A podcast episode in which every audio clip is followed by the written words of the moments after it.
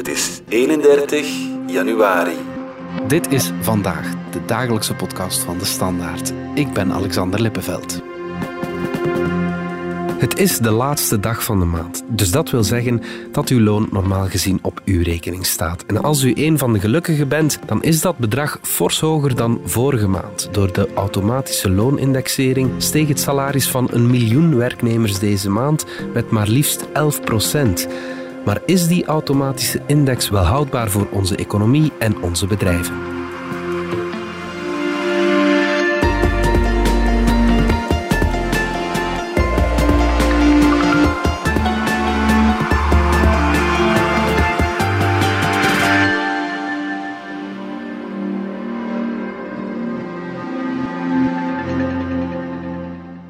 Ik vind dat zeer goed. Zo kunnen we toch alles blijven betalen. Maar anderzijds komt het wel redelijk laat. Ik behoor tot het paritair comité 200. En dat is maar één keer per jaar loonsindexering. Dus ik heb eigenlijk wel een volledig jaar te veel betaald. Ik ga het vooral voelen op mijn eh, dagelijkse basis, denk ik. De inkopen, ja, die dingen. Dat is noodzakelijk, zeker voor de laagste lonen. Hè? Dat is zonder twijfel noodzakelijk. Anders kunnen ze niet meedoen met de koopkracht. Ik heb ze zelf al gehad. Eh, Ik ben ambtenaar. Dus bij mij zijn er al eh, een aantal procenten bijgekomen. Ik ben zeker niet jaloers, maar er is eh, altijd een groot onderscheid geweest tussen de ambtenaren of werken in de privésector. Als ambtenaar heb je sowieso veel meer voordelen dan iemand in de privésector. Als de lonen omhoog gaan, wil het ook zeggen dat al de rest ook wel omhoog gaat. Dus langs de kant weet ik dat niet of dat, dat dan ook een goede zaak is dat bedienden dan meer loon zouden krijgen. Want misschien dat het wel op hetzelfde zou kunnen neerkomen. Meer ademruimte als alles veel duurder wordt. Ik denk, zoveel meer gaat dat niet zijn. Het gaat gewoon compenseren, denk ik. Voor bedrijven is dat direct, die veel personeel hebben, een superhoge extra loonkost. Eh, die gaan dat ook dan direct terug in hun prijzen doorrekenen. Eh, waardoor dat, dat natuurlijk ook geen evidente is. En ik denk dat er ook wel dan veel werknemers wel zullen vrezen voor hun job. Ja, maar de, de prijzen gaan niet meer dalen. Dat denk ik wel. Hè. Dus, eh, Ik denk ook dat eigenlijk de werkdruk dan bij de mensen die wel in het bedrijf dan bijvoorbeeld kunnen blijven ook groter gaat worden. En dat dat ook wel een impact gaat hebben. België is een van de weinige landen die dat doen. Hè? Ehm, ik vind dat dat wel ook zijn charme heeft of zo. Of zijn, eh, zijn sterkte, dat, we dat, dat, dat dat wel gedaan wordt. Ja, ik vind het goed dat de, dat de loon stijgen, maar niet in één keer zo groot. Voilà. Onze reporter Niels de Keukelaar trok de straat op in Gent en trof daar toch eh, vooral tevreden mensen aan. Stijn de Kok van onze economieredactie. Ons loon wordt telkens op de laatste donderdag van de maand uitbetaald. Dat was vorige week dus. Wat dacht jij toen je je loonbriefje zag binnenkomen? Oh, ja, je had het wel deels verwacht, hè, maar eh, je zag toch dat dat netto loon toch met iets van een 10% omhoog ging. Dus dat was wel leuk. Natuurlijk ja, hadden we een jaar lang geen loonsverhoging gehad en waren de prijzen van allerlei zaken die je koopt wel een pak duurder geworden. Dus Ja. ja, het is een beetje een compensatie, maar het is natuurlijk wel leuk dat je je loon... eh, Ik vond het vooral plezant, Ja. om eerlijk maar te natuurlijk, zijn. ja, we zijn natuurlijk ook weer een pak duurder voor het bedrijf. Ja, en dan voel je misschien ook wel een beetje die stress van, van ja, gaat de werkdruk niet omhoog gaan om, omdat het bedrijf met hetzelfde budget wil verder gaan of niet. Dus ja, je- Ja. het is altijd wel een klein beetje een dubbel gevoel. Ja, oké, goed. Ons loon is dus met 11,08% gestegen deze maand. Dat is bijzonder veel. Leg nog eens kort uit hoe dat juist komt. Wel, België kent het unieke systeem van de automatische loonindexering. Dus ons loon gaat volledig mee met de gezondheidsindex. Dat is eigenlijk een afgeleide van de inflatie. Dat is eigenlijk het inflatiecijfer zonder benzineprijzen, prijzen voor eh, tabak of alcohol. Dus dat volgt min of meer de inflatie. En afhankelijk van het soort systeem waar je in zit, bijvoorbeeld bij ambtenaren, is dat iedere keer als die index 2% overschrijdt, Ja. krijgen zij een loonsverhoging. Eh, een miljoen werknemers volgt een systeem waar het maar één keer per jaar wordt aangepast, begin van dit jaar, zoals bij ons. Ja. Dan krijg je in één keer meer dan 11%. Maar iedereen die werknemer is en iedereen die een of andere uitkering krijgt, gepensioneerden, werklozen, die hebben ook hun uitkering het afgelopen jaar met 11% zien toenemen. Sommigen in stappen en sommigen als bij ons één keer per jaar. Hoe uitzonderlijk is dat systeem? Wel, eigenlijk zeer uitzonderlijk. Eh, je moet weten dat eigenlijk heel veel landen automatische indexering ooit hebben gehad. Zelfs de Verenigde Staten hebben ooit het systeem gehad van automatische loonindexering. Maar met de grote loonprijsspiralen van de jaren 70, toen je eigenlijk ja, stagflatie had, enorm hoge inflatie met lage economische groei, hebben bijna alle landen dat systeem afgeschaft. Behalve België is het nooit afgeschaft geraakt. Luxemburg ook. Maar Luxemburg heeft zelf vorig jaar uh, een aantal ingrepen gehad, waardoor dat ook al minder automatisch is dan ervoor. Dus we zijn eigenlijk wel vrij uniek met het Hmm. systeem. En krijgen werknemers in andere landen dan helemaal geen compensatie voor de hoge inflatie? Jawel, zij krijgen eigenlijk ook een aanpassing voor de inflatie, maar het wordt onderhandeld. Eigenlijk zit het in een pakket waar ook meer gekeken wordt, kan het bedrijf het aan, wat is de inflatie geweest. En dan zien we dus in onze buurlanden dat eigenlijk de lonen daar niet met 11% stijgen, maar eerder met 6, 7% afhankelijk van de sectoren en de landen. En eigenlijk wat we vaststellen is zelf op lange termijn gaan de lonen in bijvoorbeeld Nederland en België op dezelfde manier omhoog. Alleen krijgen wij die loonstijging iets eerder dan in Nederland bijvoorbeeld. Ja, oké. ja. Zien we dat door dit systeem onze koopkracht eigenlijk goed beschermd wordt? In het algemeen wel, want onze lonen gaan omhoog. Zeker met iemand die een gemiddeld loon heeft. Iedereen die boven eigenlijk het mediaan zit, ziet zijn koopkracht stijgen. Dus de volledige loonmassa in België stijgt evenveel als dat de prijzen zijn gestegen. Dus eigenlijk, als je het op een macrovlak bekijkt, is het eigenlijk een, een neutrale operatie. De inflatie is met zoveel procent gestegen en we krijgen er allemaal zoveel netto loon bij. Het gaat natuurlijk om een percentage waar je loon mee omhoog gaat. Werkt dat ergens geen ongelijkheid in de hand? Want hoge lonen die stijgen daardoor eenmaal meer dan lagere lonen. Dat is ook wel een van de grote kritieken op het systeem. Hè. En eigenlijk ook een grote vraag vanuit de werkgevers, dat er eigenlijk een, een ongelijkheid creëert, omdat veel kosten min of meer hetzelfde zijn gestegen. Ja, iemand die rijk of arm is, je moet al bij eten, je moet al bij je huis verwarmen. En dus voor iemand met een hoog inkomen zijn die kosten verhoudingsgewijs niet zoveel gestegen, terwijl zijn loon wel ook met 10% stijgt. Dus wat dat we nu krijgen, is dat eigenlijk een ganse groep in België, mensen met hoge lonen en uitkering, overgecompenseerd worden Ja. met het systeem. Dus zij krijgen er eigenlijk koopkracht bij. Anderzijds is er een probleem aan de lagere lonen, dat eigenlijk ja, een, een 10% meer van een laag loon is wellicht nog altijd onvoldoende om die gestegen prijzen te compenseren. Dus Ja. krijg je nog altijd een soort ondercompensering. Ja. Waardoor dat er in sommige landen men eerder kijkt naar eenmalige premies tegen de gestegen energieprijzen, veel eer dan ja, een procentuele stijging van de lonen. Soms wordt er ook geijverd om indexering te geven in centen en niet in procenten, waarbij dan iedereen bijvoorbeeld een min of meer gelijkaardig bedrag krijgt in plaats van een procentuele stijging. Ja, oké, goed. Laten we eens kijken naar de bedrijven, want voor hen kan ik me voorstellen dat dat wel een eh, zware dobber is, dat je loonkost ineens met 11% stijgt. Ja, dat zijn eigenlijk ook degenen die het ja, meest probleem hebben met het systeem.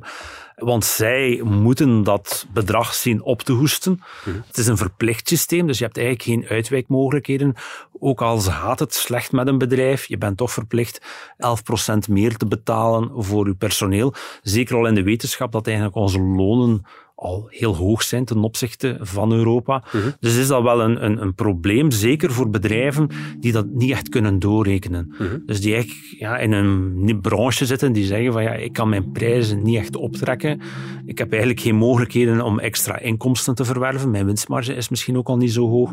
Voor hen is het echt wel eh, een probleem. Ja, oké. Waardoor het ook een stukje kan, ja, als een boemerang kan terugkeren naar de eh, werknemers.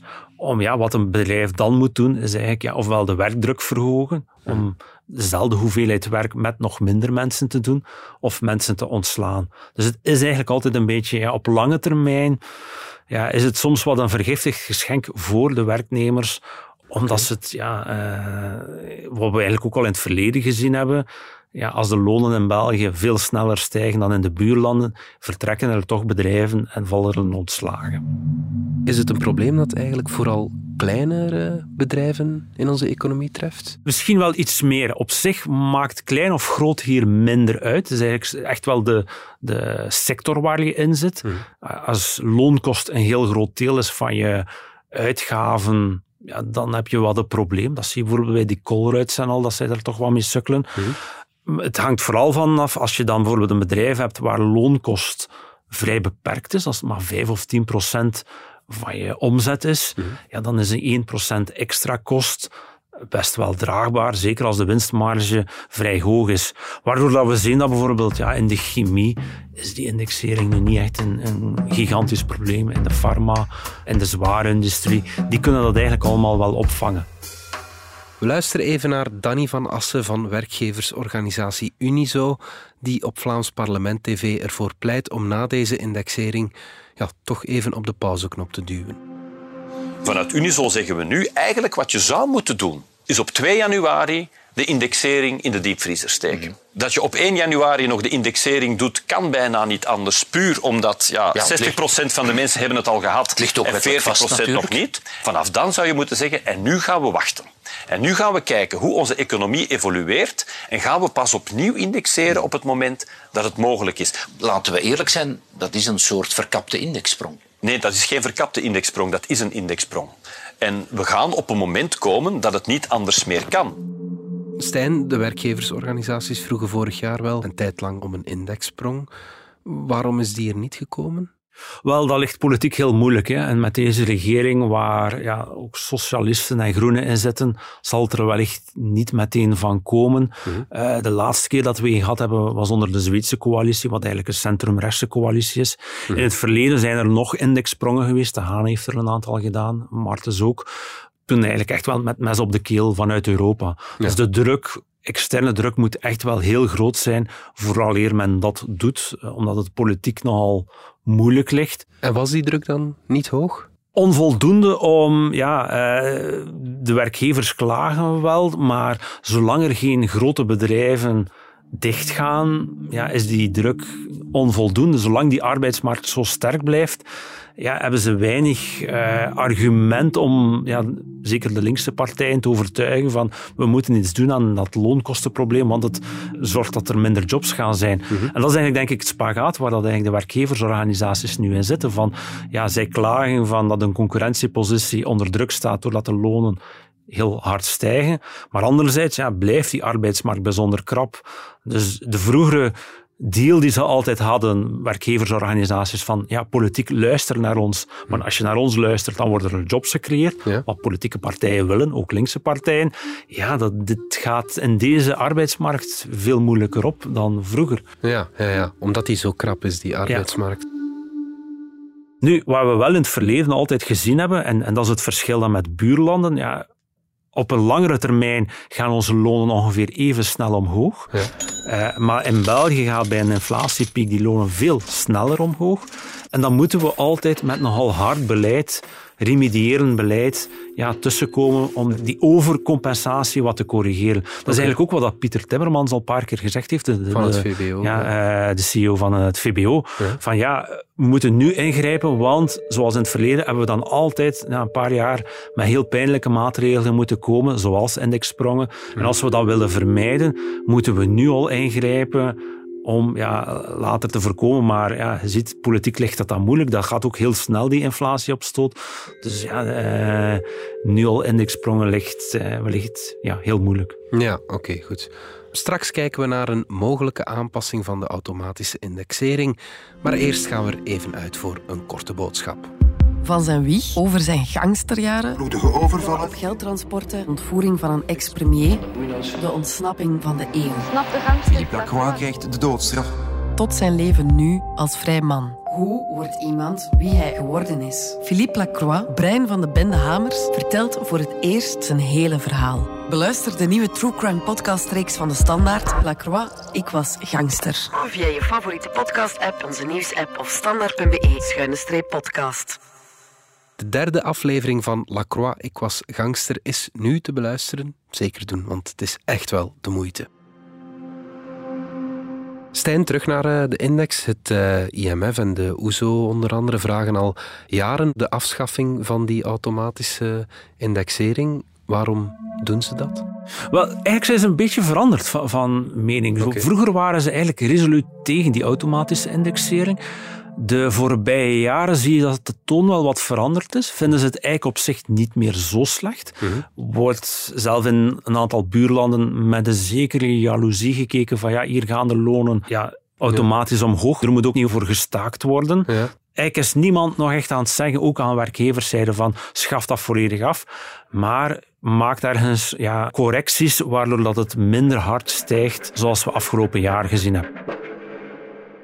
En hoe moet die er dan uitzien? Daar zijn verschillende varianten op. Je kan bijvoorbeeld niet vanaf een bepaald bedrag eh, compensaties geven in centen en niet in procenten. Dus waardoor dat bij hogere lonen die compensatie minder groot is. Dus dat lage lonen wel gecompenseerd worden, maar dat iedereen ja, eenzelfde bedrag krijgt en niet meer in procenten. En dat zou zeker voor bedrijven met veel hoge lonen heel veel schelen. Uh, dat is een van de mogelijkheden. Een andere mogelijkheid, zoals Luxemburg zeggen van ja, er is één automatische indexering per jaar en de rest gaan we onderhandelen en kijken van ergens in de middenlanden van wat kunnen bedrijven betalen, hoeveel is die inflatie gestegen. En bijvoorbeeld nog een die het IMF zegt, en waar dat Unie zo bijvoorbeeld ook voor pleit, is om ook alle volatiele componenten uit die gezondheidsindex eruit te halen. Dus ook de gasprijzen, want die zitten wel nog in de gezondheidsindex, en ook de voedingsprijzen eruit halen. Vorig jaar zouden we dan ja, de gezondheidsindex eerder met 6 à 7 procent gestegen zijn in de plaats van 11 procent. En wat blijft er dan nog in zitten? Ja, dat is dan weer de kritiek dat er dan nog minder zou inzetten. Ja, hè. ja. Diensten, non-food producten, dat je het dan verder uitholt. Maar het zou veel geleidelijker gaan, eh, waardoor dat eigenlijk de eh, lonen hier dan terug weer in dezelfde lijn van de buurlanden zouden stijgen. Ja, ja, ja oké. Je haalt dat eh, argument van dat concurrentievermogen van ons land al een, een paar keer aan. Hè. Houdt dat eigenlijk nog steek, aangezien onze economie het niet zo slecht doet als we een tijdje geleden verwachten, aangezien we met een heel krappe arbeidsmarkt zitten en dat er heel veel jobs zijn? Houdt dat nog steek? Wel, ik denk minder dan vroeger. Ehm, als je 10, 15 jaar geleden, rond de periode 2006, 2008, hadden we ook zo'n grote ontsporing. De inflatie was toen ook vrij bankencrisis, hoog. eh, kredietcrisis, ja, eigenlijk de ja. jaren ervoor, Ah ja, vlak oké, ervoor. ja, ja. Dus zag je eigenlijk dat de lonen in België veel sneller stegen, omdat de inflatie hoger was dan de buurlanden. Je had dan ook Duitsland die zware loonmatiging deed. En dan zijn die lonen ja, in de bankencrisis nog een eind blijven doorstijgen. Dus dan had je ook een probleem, dan is dan eigenlijk Zweeds moeten, de Zweedse coalitie moeten komen om dat te corrigeren. In die periode hebben we een aantal heel grote bedrijven gehad die zijn vertrokken. Fort Genk heeft de deuren gesloten, Opel, Caterpillar. Wat je nu wel krijgt, is dat eigenlijk de bedrijven die er nog zijn en exporteren, dat zijn degenen die eigenlijk daarmee hebben kunnen leren leven. Die, waarvan loonkost al sowieso al een heel beperkt deel is van, van de kosten. Ja. En die eigenlijk in België zitten om andere redenen.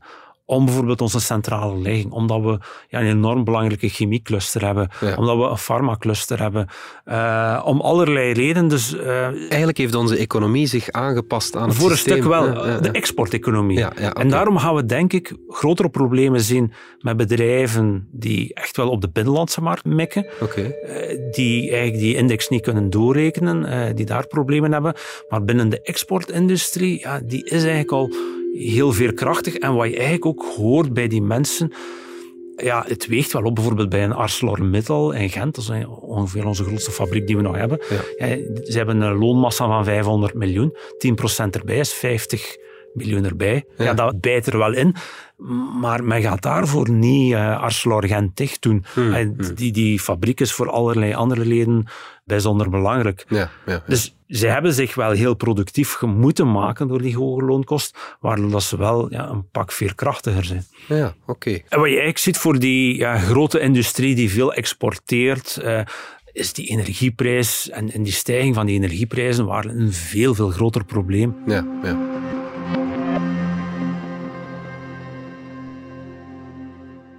Nog even terug naar de politiek. Een afschaffing die zit er niet in. Premier De Croo die toonde zich in oktober zelfs dankbaar voor het mechanisme. Wie had ooit gedacht dat eigenlijk bijna alle partijen vandaag zeggen ja, de index is een goed mechanisme. Niet zonder kritiek, absoluut mee eens. Ook mijn partij. Een partij die zeer kritisch geweest is over het indexeringsmechanisme. Vandaag, in momenten van crisis, zeggen we gelukkig dat we dat systeem hebben. Maar zijn de geesten ergens wat gerijpt om een aanpassing? Ik zie het toch niet. Uh, ja. Als je dan zelf ja, de rechtsere partijen zich toch weinig durven uitspreken om iets aan die loonkosten te doen.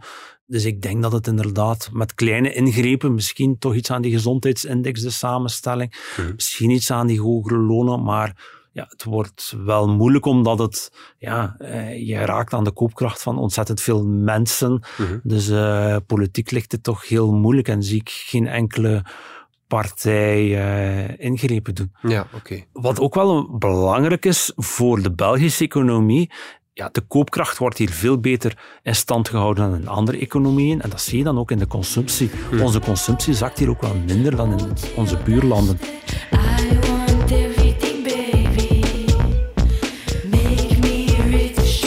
Dus op die manier is eigenlijk ook wel die inflatie, of, of de indexering liever gezegd, van de lonen ja, ook wel een, een beetje een buffer op onze economie, omdat de koopkracht in stand gehouden wordt. Er zijn ook elk jaar onderhandelingen voor de reële stijging van de lonen, zoals dat dan heet, bovenop de indexering. Is daar nog marge voor? Nee, en denk dat dat het compromis is in de regering. Dus ja, de linkse partijen zijn grote voorstander om helemaal niet aan de indexering te raken. Ook de rechtse partijen willen eigenlijk niet echt dat die automatische indexering afgeschaft of veel aangepast wordt. Wat wel zij zeggen dat dan moet behouden blijven, is die zogezegde aangepaste wet van 96 op het concurrentievermogen. Die kijkt naar de loonevolutie van de omringende landen.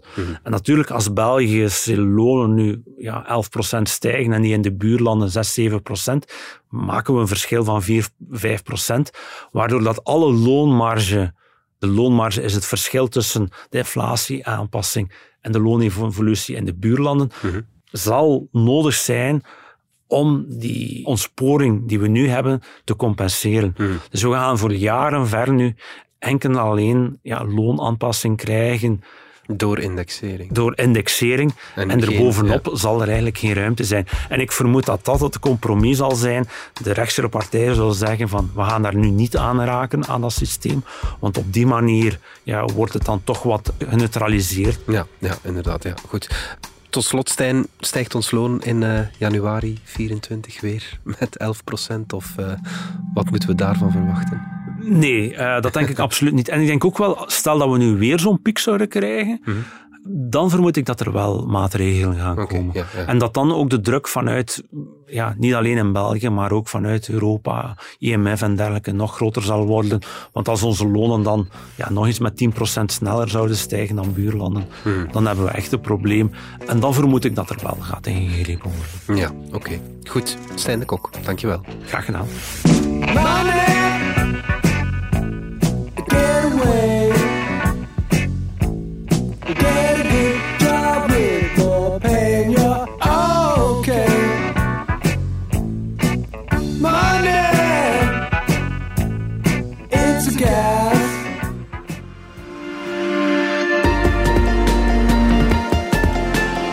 Dit was vandaag de dagelijkse podcast van De Standaard. Bedankt voor het luisteren. Volg ons op Spotify, Apple Podcast of eender welk ander podcastplatform. Onze gratis FDS-podcast kan je niet alleen ons werk beluisteren, maar ook de beste podcasttips terugvinden, met zorg geselecteerd door onze redacteur Max de Moor. Alle credits van de podcast die je net hoorde vind je op standaard.be-podcast. Reageren kan via podcast.standaard.be. Morgen zijn we opnieuw.